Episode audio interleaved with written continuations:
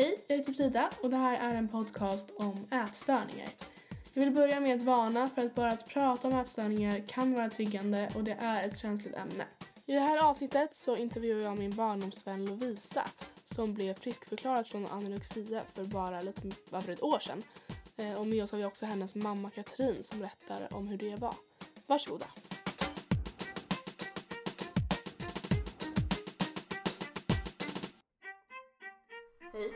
Hej. Här sitter jag med Lovisa Mm. eh, och Katrin Ja. som är mamma-dotter relation. Mm. Ja. Ja.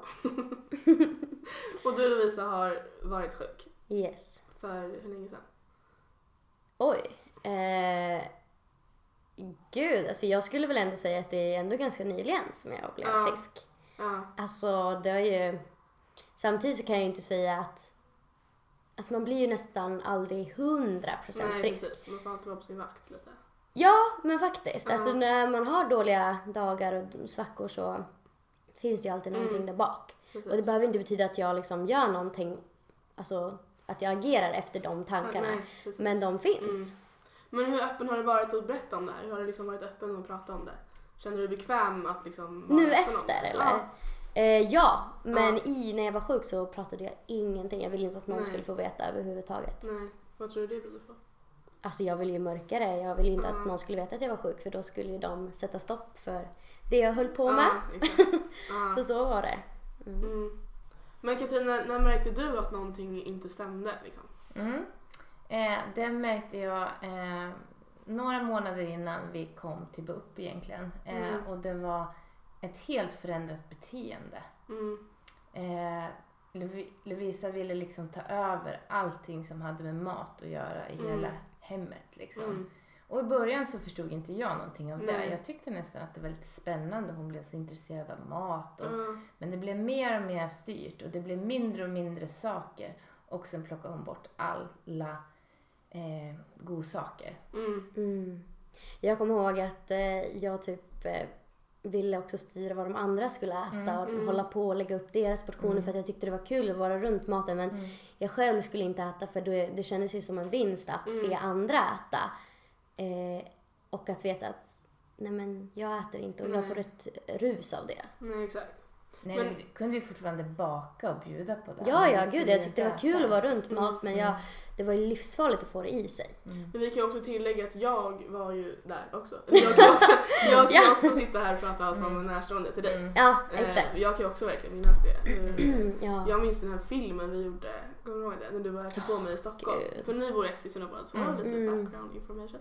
Nej men eh, när ni var hos mig i Stockholm, det var ju första Mm. gången vi träffades när någonting verkligen hade hänt liksom. Har Ja. vi inte sett på ett tag. ja, det gick ju så snabbt Ja, exakt. Mm. Och vi gjorde någon video typ när vi gjorde matlagningsprogram med typ såhär Mm. knäckemackor Och det hade- och ost och ja. sådär. Det, det var ju klart jag skulle äta det liksom. Det var ju, Mm. och jag fattade inte, jag fattade att det var väl lite konstigt men det var inte så att jag tänkte att det hade med sjukdomen att göra liksom. Nej, Utan det var ju bara precis. en. Men hur gammal var du? Jag tror att jag var du var 13, ut? 14 där Ja. någonstans. Jag vet att det började redan... Du var 13. 13 var jag. Ja, 13 var jag. Mm. Och sen när jag fyllde Ja. 14 vet jag att det typ var som värst. Mm. Då var Alltså precis i början. inskriven. Mm. Eh, Mm. Lite innan du fyllde 14 så var du ju inskriven. Mm. Men minns du vad det liksom var som triggade igång det? Som var liksom starten? Alltså, grejen är att jag hade ju inte jättestora tankar på att, eh, ja, men att jag tyckte att min kropp var ful eller så. Men jag vet att jag hade lite bekymmer med att jag tyckte att mina lår var lite Mm. stora. Eh, och då fick jag för mig att eh, jag skulle ha ett godisförbud i en månad. Eh, dels för att tjäna pengar.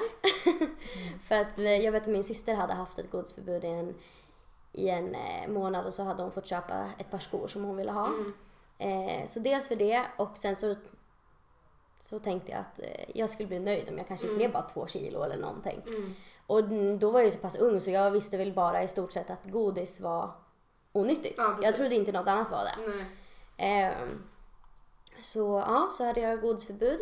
Eh, och innan det så var det inte så farligt i tänk- tänkandet. Nej. Jag vet bara att det var mycket, jag bytte skola, kom upp på, in i stan Mm. eh, och där var det ju helt andra grejer. Det, var- helt plötsligt så skulle man tänka på hur man sminkade sig, hur man Mm. såg ut. Det var inte alls som skolan på landet där vi liksom Mm. lekte kull på rast, Ja, rasterna. Ja. Eh, Och det var också i samband med att du kom in i puberteten. jag, exakt, liksom, och man lägger ju 13 ofta på sig lite mer då också Ja. innan puberteten. Och, den- Kroppen förändras naturligt. ja, exakt. Och sen så... Ja, i alla fall så... um, Så hade jag det där godisförbudet. Mm. Eller godislöftet eller vad vi Ja. kallade det.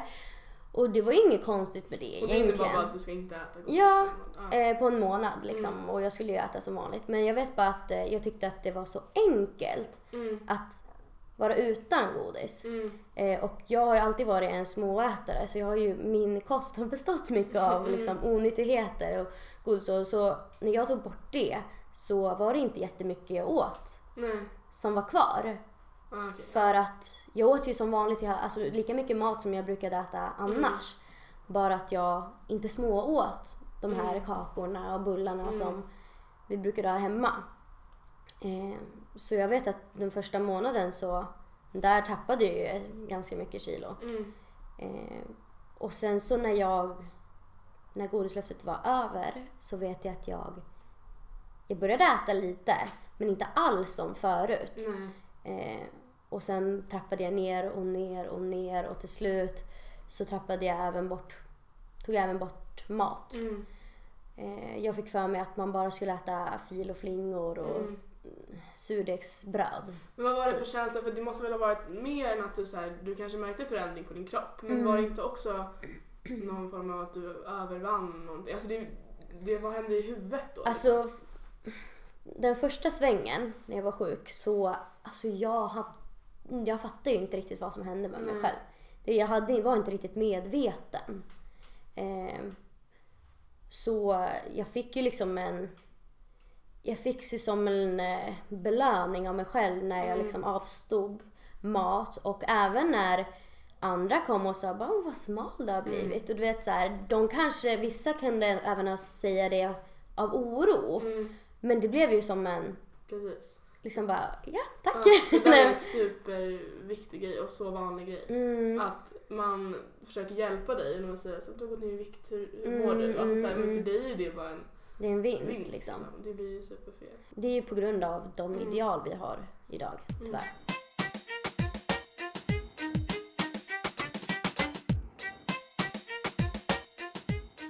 Men Katarina, du märkte då att någonting inte stämmer med Lovisa. Mm. Liksom, vad, vad var det första du gjorde då? Liksom, pratade du? Mm.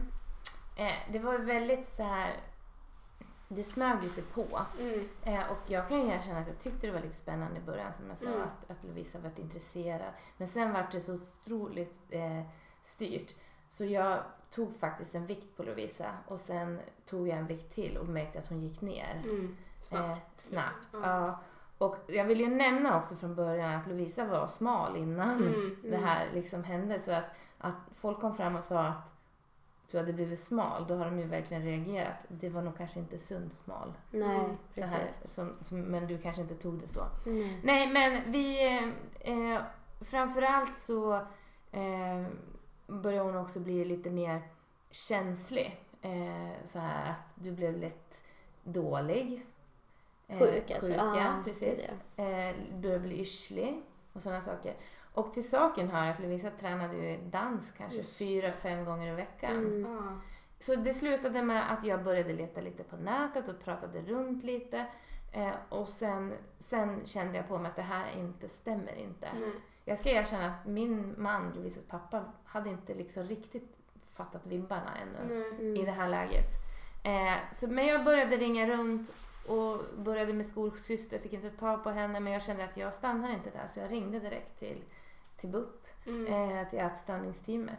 Mm. Och de sa direkt att det här är ett ärende Mm. eh, som att Lovisa är välkommen att liksom skrivas in då. Så Men det var väldigt du skönt. här? Var du liksom såhär, ja jag vet, eller var det såhär, sa du Nej, nej, nej, nej. Alltså Ja. jag fattar ju ingenting, helt ärligt. Eh, i, den första perioden så var jag inte medveten om att jag hade ett problem. Nej. Det har jag varit medveten om an, alltså Mm. längre fram. Men i början så var jag inte alls medveten för att jag hade ingen kunskap om den sjukdomen överhuvudtaget. Eh, jag var bara så styrd över mina regler och vad som var i mitt huvud.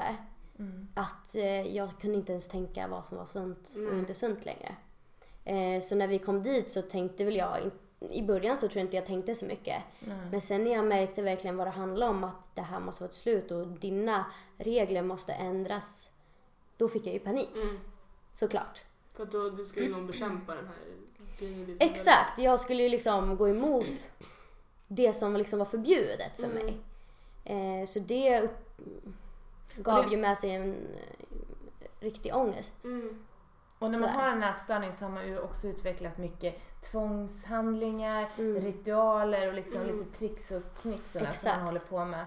Eh, så det, var, det är inte bara, handlar inte bara om maten liksom. Fast det, allting är ju kopplat till maten. Det var ju väldigt mycket ritualer just Mm. runt maten. Jag vet att eh, när jag fick åt en portion med mat så skulle jag alltid innan jag började bre ut allting till alltså varje kant på tallriken så att jag någonstans i mitt huvud skulle alltså inte äta allting för att det Mm. liksom det tar ju plats att ligga Mm. på alla kanter. Men jag minns ju att du tappade jättemycket mat. Ja, Mm. det med. Och Verkligen. bröt sönder bitar. De kunde Ja. inte äta en smörgås rakt av. De måste bryta så att det skulle Mm. Ja, du smula också mycket. små tuggar också. Mm, Alltså, ja. all, alltså verkligen såhär, du skar en majsbit i fyra Mm. liksom för att det var... Och Ja. någonting också man kunde se det var hur liksom verkligen inte ville befatta sig med gaffeln. Det tog, skrapa av med tänderna. Mm. Det var liksom... Det är så konstigt egentligen för det är så här. Det är ju inte så att jag egentligen blir av med mat om mycket mängder om jag tappar några smulor hit och dit. Mm. Men det var bara ett måste i mitt huvud för att Mm. varenda liten smula jag kunde bli av med Mm. var värd. Och det gör det ju också svårt för er att säga Mm. så här, gå ner på golvet och äta upp din mat. Mm. Alltså det gör man ju liksom inte. Så det Nej. blir Precis. man blir väl bra på att ljuga också? Eller Gud, så blir ja. jättebra på att hitta alltså. på... Mm. Eh, den vanligaste lögnen var väl att eh, ja, jag har redan ätit. Mm. Exakt. Och det visste man ju inte var Mm. sant men sen finns det ju också så här, men hur mycket... Mm. Alltså som förälder, för ni fick Mm. ju av BUP då. Mm. Vad, hur gick de tillväga då? Det bör, visst var det, det var ett matschema som du skulle följa? Mm. Mm. Vi började Exakt. träffa psykologen. Eh, Mm. Hade liksom li- några träffar med psykologen. Mm. Men trots den psykologinsatsen så fortsatte det bara gå ner för. Mm. Mm. Eh, så ganska så snart blev Lovisa sjukskriven eh, från skolan. Då gick du åttan? Sjuan. Sjuan. Sjuan? Mm. sjukskriven? Ja. Eh, ganska så snabbt så blev du sjukskriven och fick sluta skolan. Mm. Eh, och dansen plockades på en gång. Det var det första Men det var ju plockades. långt innan. Ja, det var två månader innan ungefär. Ja, det var två, två månader ungefär så innan du blev helt sjukskriven. Ja. Eh, och sen fick Lovisa börja gå på dagverksamhet. Mm. Och då I fick början flera gånger i veckan och sen blev det en gång i veckan ungefär. Mm. Och då började du förstå då att du, att du var sjuk? Höll du med om att du inte var frisk då? Ja, absolut. Det var väl när jag kom dit som jag faktiskt förstod. Mm. För att eh, de hade ett helt annat sätt att förklara på. Eh, de var samtidigt förstående på ett annat sätt. Mm. Men de alltså, gav ju aldrig med sjukdom. Alltså, förstår du vad jag Mm. menar? Alltså, de förstod hur jag De kände, de lyssnade på mig. Men de skulle ju aldrig lyssna på... De kunde ju skilja på vad som var sjukdoms-Lovisa och vad som Mm. faktiskt var Lovisa väldigt bra. Ehm, så det var då jag verkligen förstod att okej, jag, jag mår inte bra. Ehm, Hur kändes det? Kändes det, var du, vart du rädd eller vart du också som en vinst? Eller liksom? Alltså man är ju så... Jag mådde ju så dåligt så långt innan Mm. att veta att jag var sjuk. Det var inte så att jag mådde sämre av det. Nej. För att jag mådde liksom dåligt i, i Mm. allt redan. Mm. Eh, men sen kom ju det en jäkla kamp.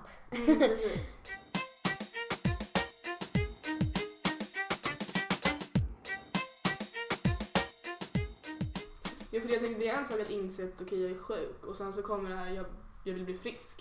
Hur Mm. lång tid tog det tills det kom in i bilden också? Alltså för mig så var det ju att jag kunde vilja bli frisk vissa dagar. Mm. Och vissa dagar så ville jag inte veta av det, så ville jag bara köra mitt race. Ehm, men... Alltså då när jag verkligen ville bli frisk, det var ju bara... Alltså det var ju flera år efter. Mm. Ehm, för att man kan inte göra någonting halvhjärtat, man måste, måste göra det Mm. helhjärtat. Precis. Och så är det. Mm. Men hur är er relation? Liksom, hur funkade det då? Det var väl en del bråk kring... Det blev ju bråkigt liksom, Mm, även fast mm, allt var med välmening. Så, så Det var blev jätteturbulent Ja. rent ut sagt. Ja, gud ja. Hur har det påverkat, hur var det liksom under tiden och efter? Har, har ni liksom fått... Hur har er relation påverkats? Alltså jag tycker att efter allting så har Mm. den blivit starkare. Eh, Men när vi just var i det, alltså jag hatade ju verkligen mina föräldrar när Mm. de gick emot mig. Sen kunde jag också ha mina stunder när jag verkligen mådde dåligt och då var det skönt att kunna prata med Mm. någon. För ni har ju verkligen varit jättestöttande och Mm.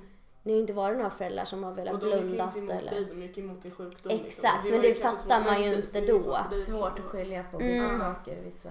Men jag kan hålla med om att under din sjukdomstid, eftersom vi var ju hemma med Lovisa, jag och Robert fick Mm. växla. Mm. Vi hade ju också många fina samtal, många fina stunder. Mm. Vi höll på lite med planteringar, Mm. gjorde lite sådana saker hemma. Man blev tvungen att sysselsätta sig. Mm. Men visst, det var bara några minuter för sen var det, det var ju ganska planerat med mat hela Mm. tiden. Sen visste man att det där var bara borta så Mm. fort vi skulle närma oss Mm. matsituationen. Mm. Precis. Mm. Mm. För den har ju varit väldigt, det har ju varit en påfrestning. Att Mm. våga, våga sätta hårt när det gällde maten. Mm. Mm. Precis. Men hur, hur klarade ni av det? Liksom? Hur klarade ni av att ta emot allt skrik från Lovisa? Och trots allt liksom... Ja, det undrar jag också. Ibland kan jag känna att jag är glad att hon var så pass liten som hon var när hon Mm. blev sjuk. För vi har Mm. faktiskt burit henne ur bil och ut till Mm. bordet. Mm. Eh, liksom, det, ibland har det varit på den nivån. Mm. Det är inte så att jag har bänt isär hennes liksom, mun och stoppat i maten så. Men utan jag har satt, vi har liksom fått ibland jag, alltså det har hänt rent sagt att vi har jagat henne. Mm. Eh, så. Men hon har fått sitta vid bordet. Där har vi inte hållit fast det med något tvång. Men, liksom, Nej. men, men det har varit väldigt, väldigt turbulent har det varit. Mm. Det är svårt och det känns, man känner sig väldigt splittrad. Det är inte den normala Nej. relation, barn och Nej, fostrans precis. Mm. eh, Mm. normen om man säger Nej, så. precis. Men det var väldigt tydliga och hårda regler och allting man gör så får man också tänka att man går mot no- en normalisering. Mm. För det här var, är inte normalt beteende. Mm. Nej. Jag vet att eh, mina syskon, de blev ju... De förstod ju inte vad som Nej. pågick. Och då tänkte jag att de var ju ännu yngre. De var yngre, ja. också. Eh, vilket är förståeligt att Mm. de verkligen inte förstod. Eh, för de, i en frisk persons huvud så tycker man ju att, men gud, mat behöver vi. Mm. Alltså det är ju helt sjukt att ens Mm. tänka att, men gud, det är ju väl bara att stoppa in det i Mm. munnen. Men så enkelt är det Nej, inte för någon som är sjuk. Mm. Eh, och eftersom jag var så... Jag, när jag fick panik så kunde jag skrika saker, jag kunde gråta tills det inte fanns några tårar kvar. Alltså det var ju så hysteriskt. Eh, för den ångesten är så grov och det som pågår i ens huvud är så fruktansvärt. Mm. Man blir liksom piskad av Mm. sina egna, egna tankar. Men något som Eh. jag också tänkte på, att du var ganska känslokall under den här perioden. Eh, det Mm. handlade bara om dig. Lite grann så här, du kunde inte ta in andras eh, Nej men exakt. hur andra mådde eller eh, det, och det behövde inte bara vara att man kanske vädjade liksom ta lite lugnt nu för att eh, syskonen liksom blir lite oroliga. Det hade inte bara med sådana saker Mm. utan det var liksom saker i stort. Du var Mm. väldigt känslokall. För det var det tänkte jag fråga också. Hur, Mm. hur vart det med, alltså er relation var ju liksom Mm. upp och ner men det var ändå nära liksom. Mm. Mm. Eh, men dina andra vänskapsrelationer?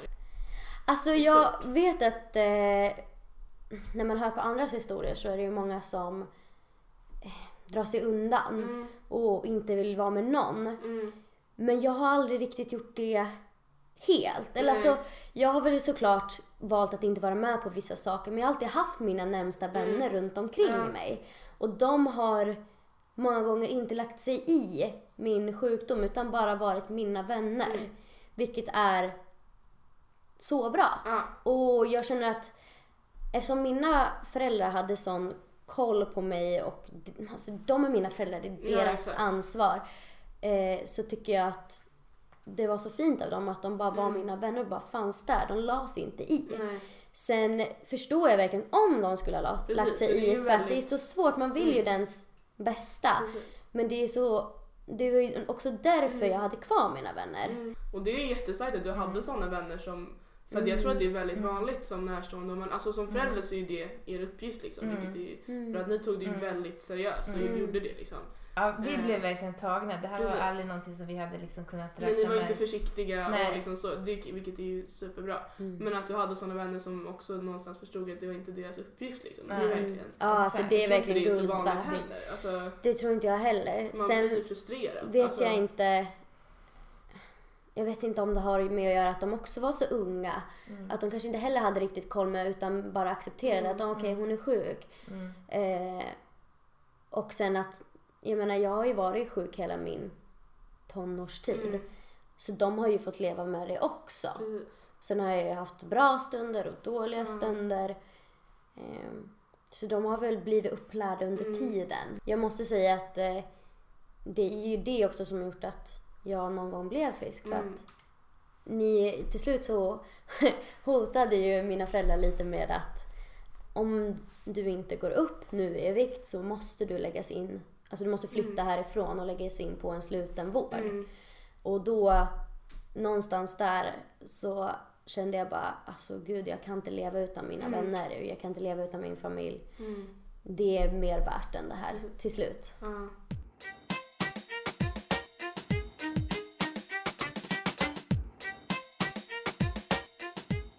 Hade ju ingen energi. Nej. Alltså det var ju inte mycket Lovisa där liksom. Det var ju Nej, så att du somnade nej. typ 7-8 på kvällen. Mm. Och sen för vi, det var ju mycket att vi sov över med Mm. varandra för att Mm, mm. vi bor så långt från varandra. Jag vet Ja. inte. Men Det var väldigt tydligt. Hon blev tvungen att sova väldigt Precis. tidigt. Mm. Ja. Och sen så Mm. vaknade du också väldigt tidigt. Mm. Jag minns dock att eh, först, i början när jag blev sjuk att jag, jag har inte riktigt det här minnet av att jag var så svag för att jag tror jag var så otroligt manipulerad av Mm. sjukdomen. Och du kände dig väldigt stark typ för att du... Ja, för att sätt. jag liksom lyckades Ja. verkligen bli så smal och du vet jag fick såna kickar av Och att... det är också väldigt Data. intressant eftersom vi var till läkare och Mm, konstaterade att Lovisa har inga reflexer kvar. Mm. Hennes liksom, reflexsystemet fungerar inte längre. Pulsen är så låg Ja. så det är risk för att hjärtat kan sluta slå. Mm. mm. Alltså det var verkligen, verkligen såna här farliga saker. Men du hörde inte de där Nej, orden. jag, alltså jag hörde Och verkligen ändå inte så pratade de tydligt till henne, tryckt på liksom så här.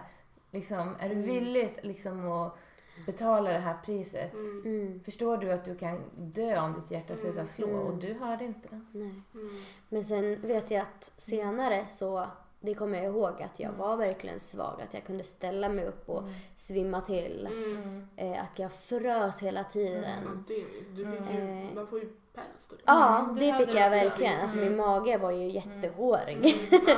Jag hade typ nästan mus- mustasch Mm. nästan. Och sen har man ju ingen färg. Mm. i ansiktet, helt blek. Mm. Ja. Men har ni känt liksom, er, ni som familj, att ni har fått det stödet som ni har behövt? Alltså kändes det som det här på BUP, att det var, funkade det bra? Eller har ni liksom önskat att något hade sett Mm. annorlunda ut? Eh, det som vi inte förstod när vi började på BUP, vi förstod inte att det här skulle ta så här lång tid. Mm. Att åren skulle gå. Mm. Eh, jag trodde, för alla var så här glada att vi hade upptäckt det här så snabbt. Mm. För det liksom- hade ni Det verkligen. hade vi verkligen gjort. Mm. Det, Lovisa hade inte hunnit smyga speciellt länge med det här. Men det, Eh. jag var ju, det gick så snabbt för Det mig för jag bara snabbt. ras. Det var så tydligt eftersom jag Ja. blev så pass, jag hade ju liksom ingen fett kvar på kroppen Nej. överhuvudtaget. Nej. Nej, och så enormt lågt BMI hade det också. Mm. Nej men, eh, så, så det hade kanske varit en känsla av att få veta att det här är ingenting som man löser kanske på, på någon vecka eller Nej. två. Mm. Och, utan det skulle ta sig till år. Mm. Eh, vi fick jättebra stöd på BUP, på dagverksamheten. Eh, jätte, jättebra stöd där. Mm. Men allt fokus låg ju på Lovisa. Mm. Det blev Mm. ju inget fokus på Nej. familjens mående eller hur man själv skulle liksom fundera lite grann. Precis. Mm. Eh, det påverkar ju otroligt Exakt. mycket. Alltså hela Ja, familjen och dina syskon och så här. det var ju... Och när de var så små och inte förstod, alltså så här, knappt du visste ju vad sjukdomen var. Ja. liksom. Ja, gud ja. Det är ju jättesvårt att Men det var förstå. allt som kretsade hela familjen var runt Lovisas Mm. sjukdom. Även om vi naturligtvis försöker kompensera de andra Mm. liksom och göra Mm. saker runt dem. Men allting kretsade runt Lovisas Mm. sjukdom. Det blev ju ett så, Det fanns inget alternativ till det. Det blev väl ett så farligt läge också. Ja, det var det. Alltså skulle ni ha släppt på det så hade jag Ja. nog dött. Exakt.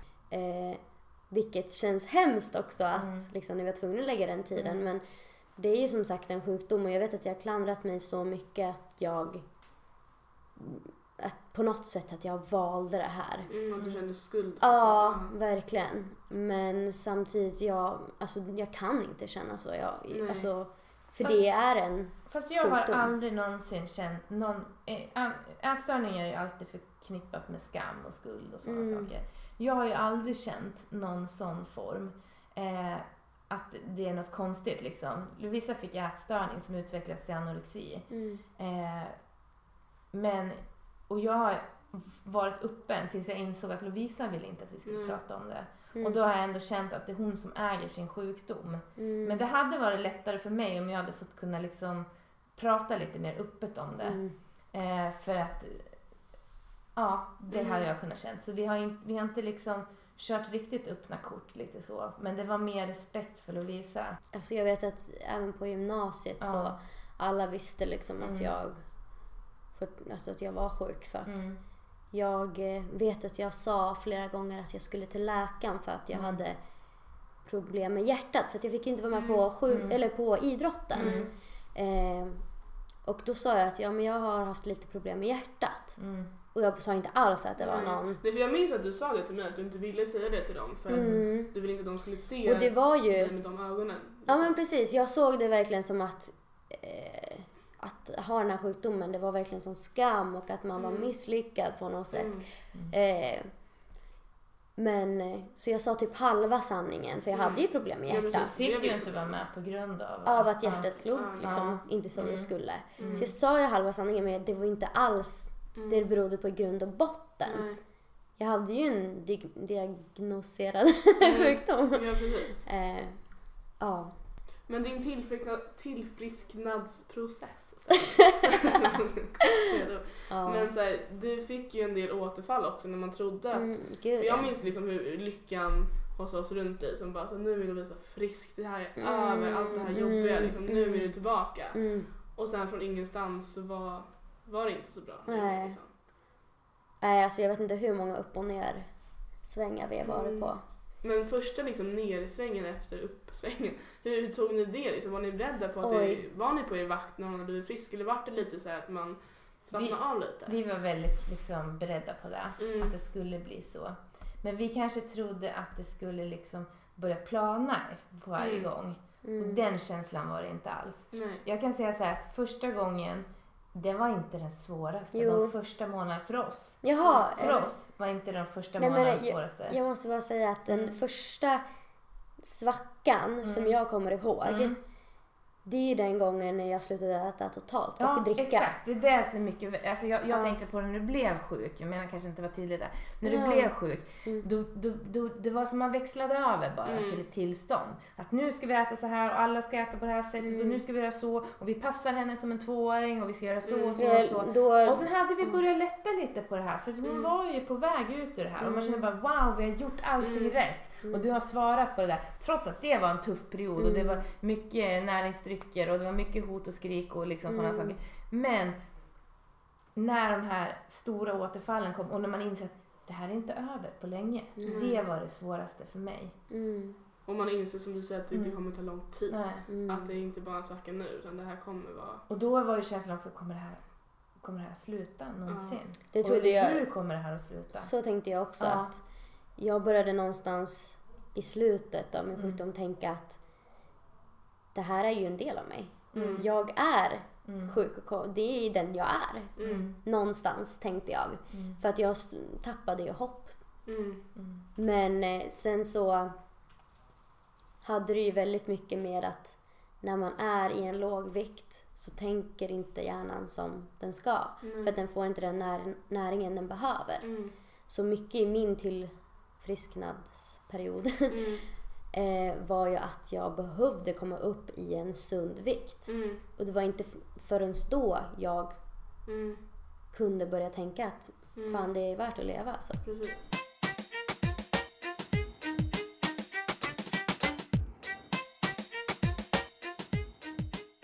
Då, den sista, mitt sista ryck då innan jag blev frisk. Eh, då fick jag ett ultimatum att du måste gå upp ett halvt kilo i, veckan Mm. för att eh, annars så måste vi skicka iväg dig till Mm. en sluten vård. Och då fick jag, först fick jag ju sån panik Mm. att eh, ja, jag visste inte vad jag skulle ta vägen. Men i alla fall så då var det en dragkraft i mig som ändå sa att jag måste, vill vara med mina vänner. Jag eh, kommer inte klara av att bo borta från min familj. Så då eh, lyckades jag faktiskt eh, gå upp ett halvt kilo varje vecka.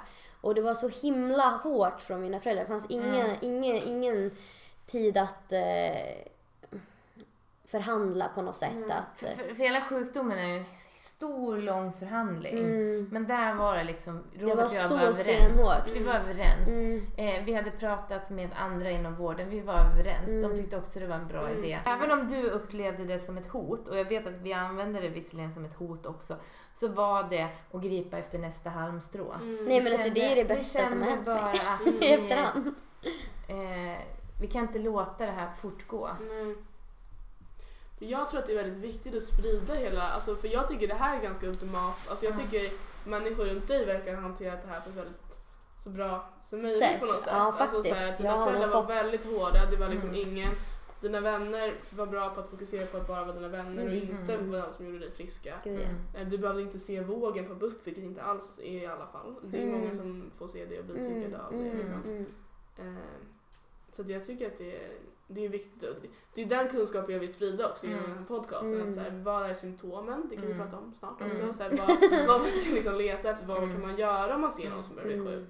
Eh, och veta att, och det här med skam, det ska inte finnas en skam, det är en sjukdom precis Mm. som du hade haft liksom, vilken annan sjukdom som helst. Liksom. Mm. Bara för att den är psykisk så är det Mm. inte ditt val att bli sjuk. Så Du visste inte ens vad det var. Jag kommer ihåg att jag tror jag hade berättat för dig vad det var. Ja, jag hade ingen Men du aning. visste inte vad det var och då Ja. var inte du orolig för dig själv heller. Nej, Men som jag tittar på, på min egen, liksom, mitt eget liv Mm. så har jag ju alltid vetat vad det Mm, är just mm. för att jag alltid pratat om det hemma liksom, för att min Mm. mamma har varit sjuk liksom. Och jag tror att det någonstans är det som har räddat mig.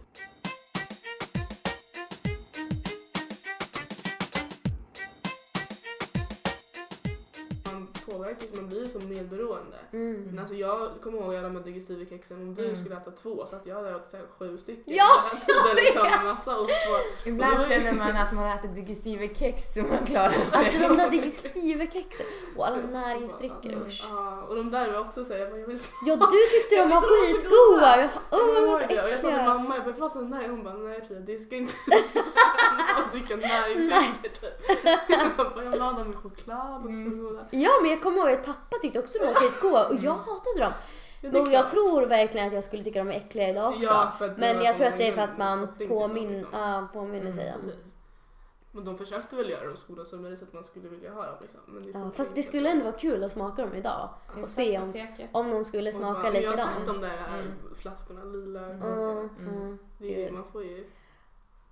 Jag vet att jag har en liten låda där jag har, så här, jag har skrivit en dagbok om min sjukdom och där har jag en sån här flaska och så typ, jag hade en sked som jag speciellt Mm. åt med. Mm. Oj, det minns jag. Eh, Den har jag lagt där i. Ja. Och sen har jag så här, de här gosedjuren jag fick Mm. där i. Eh, men det tycker jag ändå så här. Det är för att jag tänker inte göra slut och säga hej då, jag vill aldrig mer prata om det. Jag säger inte att det är något fel att Precis. se tillbaka och det ser jag som min räddning istället. Att kunna se tillbaka och se konkreta saker, hur jag betedde Du vill mig. inte hamna där igen. Jag vill inte hamna där, Och exakt. använda de erfarenheterna och dra nya, Exakt, det är liksom, inte värt det. Mm. Men om vi, vi pratade lite om det förut, men liksom idag, hur, Mm. Hur känner du Lovisa och du Katrina? Alltså är ni, du känner dig frisk idag Mm. men du är ändå på din vakt. Ja, gud ja. Jag, det är ju så här.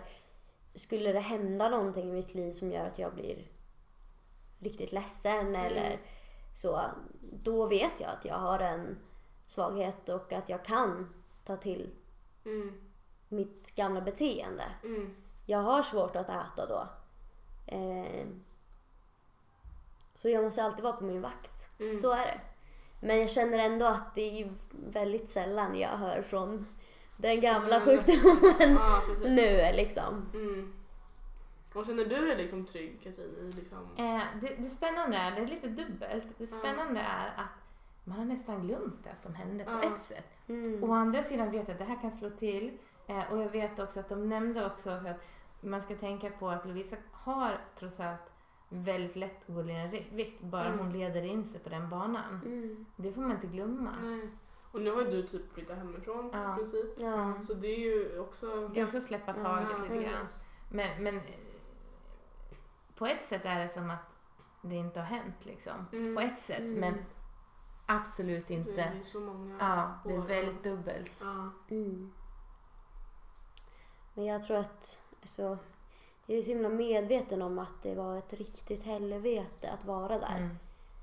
Så, så som jag säger idag, men jag, ska, jag kan inte säga att det kommer vara så. Men jag känner att det skulle aldrig vara värt för mig att komma dit igen. Mm. Men jag kan inte säga att det kommer aldrig hända igen. Nej. Det kan jag inte. För man vet aldrig. Mm. Mm. Så är det ju. Mm. Mm. Men eh, så som jag säger, ser det idag så känner jag bara, men gud det finns inte på världskartan. Nej,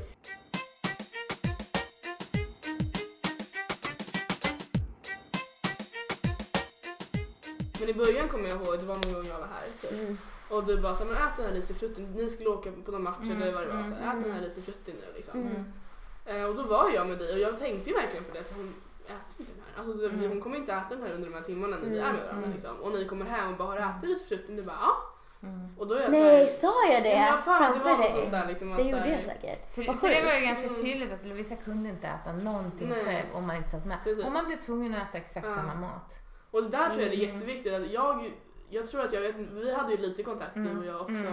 Det var någon gång vi hade gått fram och tillbaka på vägen Mm. och vi så bara, vi har bara gått en vända och du Mm. bara, hur många gånger har ni gått? Jag bara, 15. Så Ja, så var och det kommer jag ihåg så här, det måste varit, jobb, eller, det måste varit Mm. jobbigt för dig och så här, för att jag säger en sak, det är som att du går Ja, emot verkligen, mig.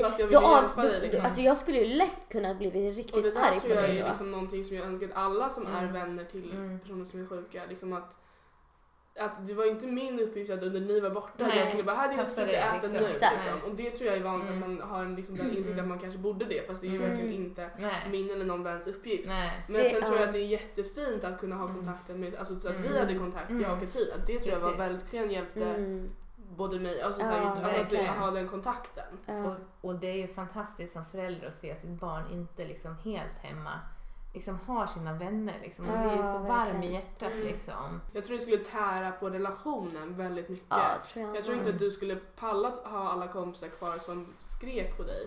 Alltså så Exakt. förstår du? Då hade du inte haft, man vill ju inte vara med dem. Liksom. Mm. Jag tror att det är viktigt Så att ha, kunna Mm. ha vänner som inte, Mm. inte, sen att jag finns där och typ såhär, men Mm. hur mår du, hur känner Mm. du? Det är ju liksom en viktig fråga. För jag kommer Mm. ihåg att du delade med dig av din dagbok, kommer du ihåg det?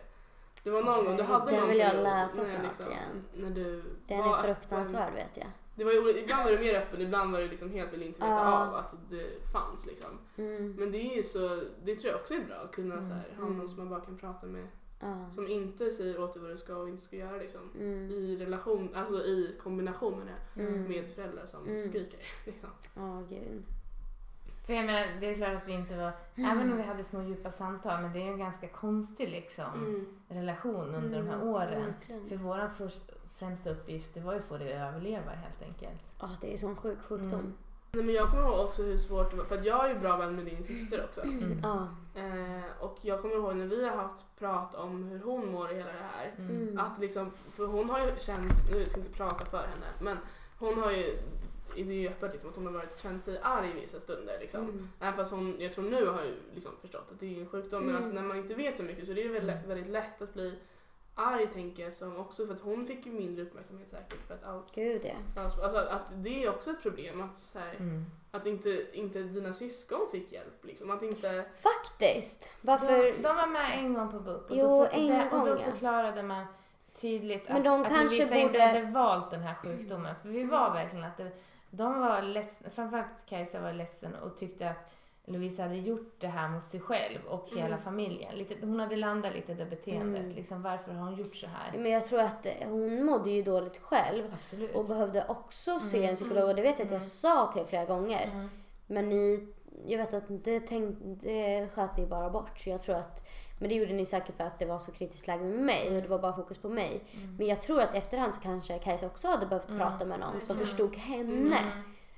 Jag kan ju säga så här, jag tror inte det är en tillfällighet att jag eh, sommaren efter Lovisa blev frisk. Nästan blev utbränd på jobbet. Ja. Men jag tror det är väldigt vanligt att anhöriga Mm. Blir utbrända. Exakt. För det här är någonting som man lever med dygnet runt hela tiden. Och jag tror det är väldigt vanligt att, anhöriga, Mm. alltså att folk som inte riktigt har koll Mm. på sjukdomen att det gör det lätt. Men ät då. Mm. Alltså bara ät den här Verkligen. tallriken så Mm. blir det ju bättre. det liksom. kan man ju Det- tänka själv, hur svårt kan det Ja vara? precis. Alltså, så här, Liksom. men Och det är ju ju sjukdom. verkligen inte så. Som man måste äta sig ur. Det är ju inte så Mm. att vi kan ge henne en spruta och sen blir du bra. Nej, det hade varit jävligt Ja.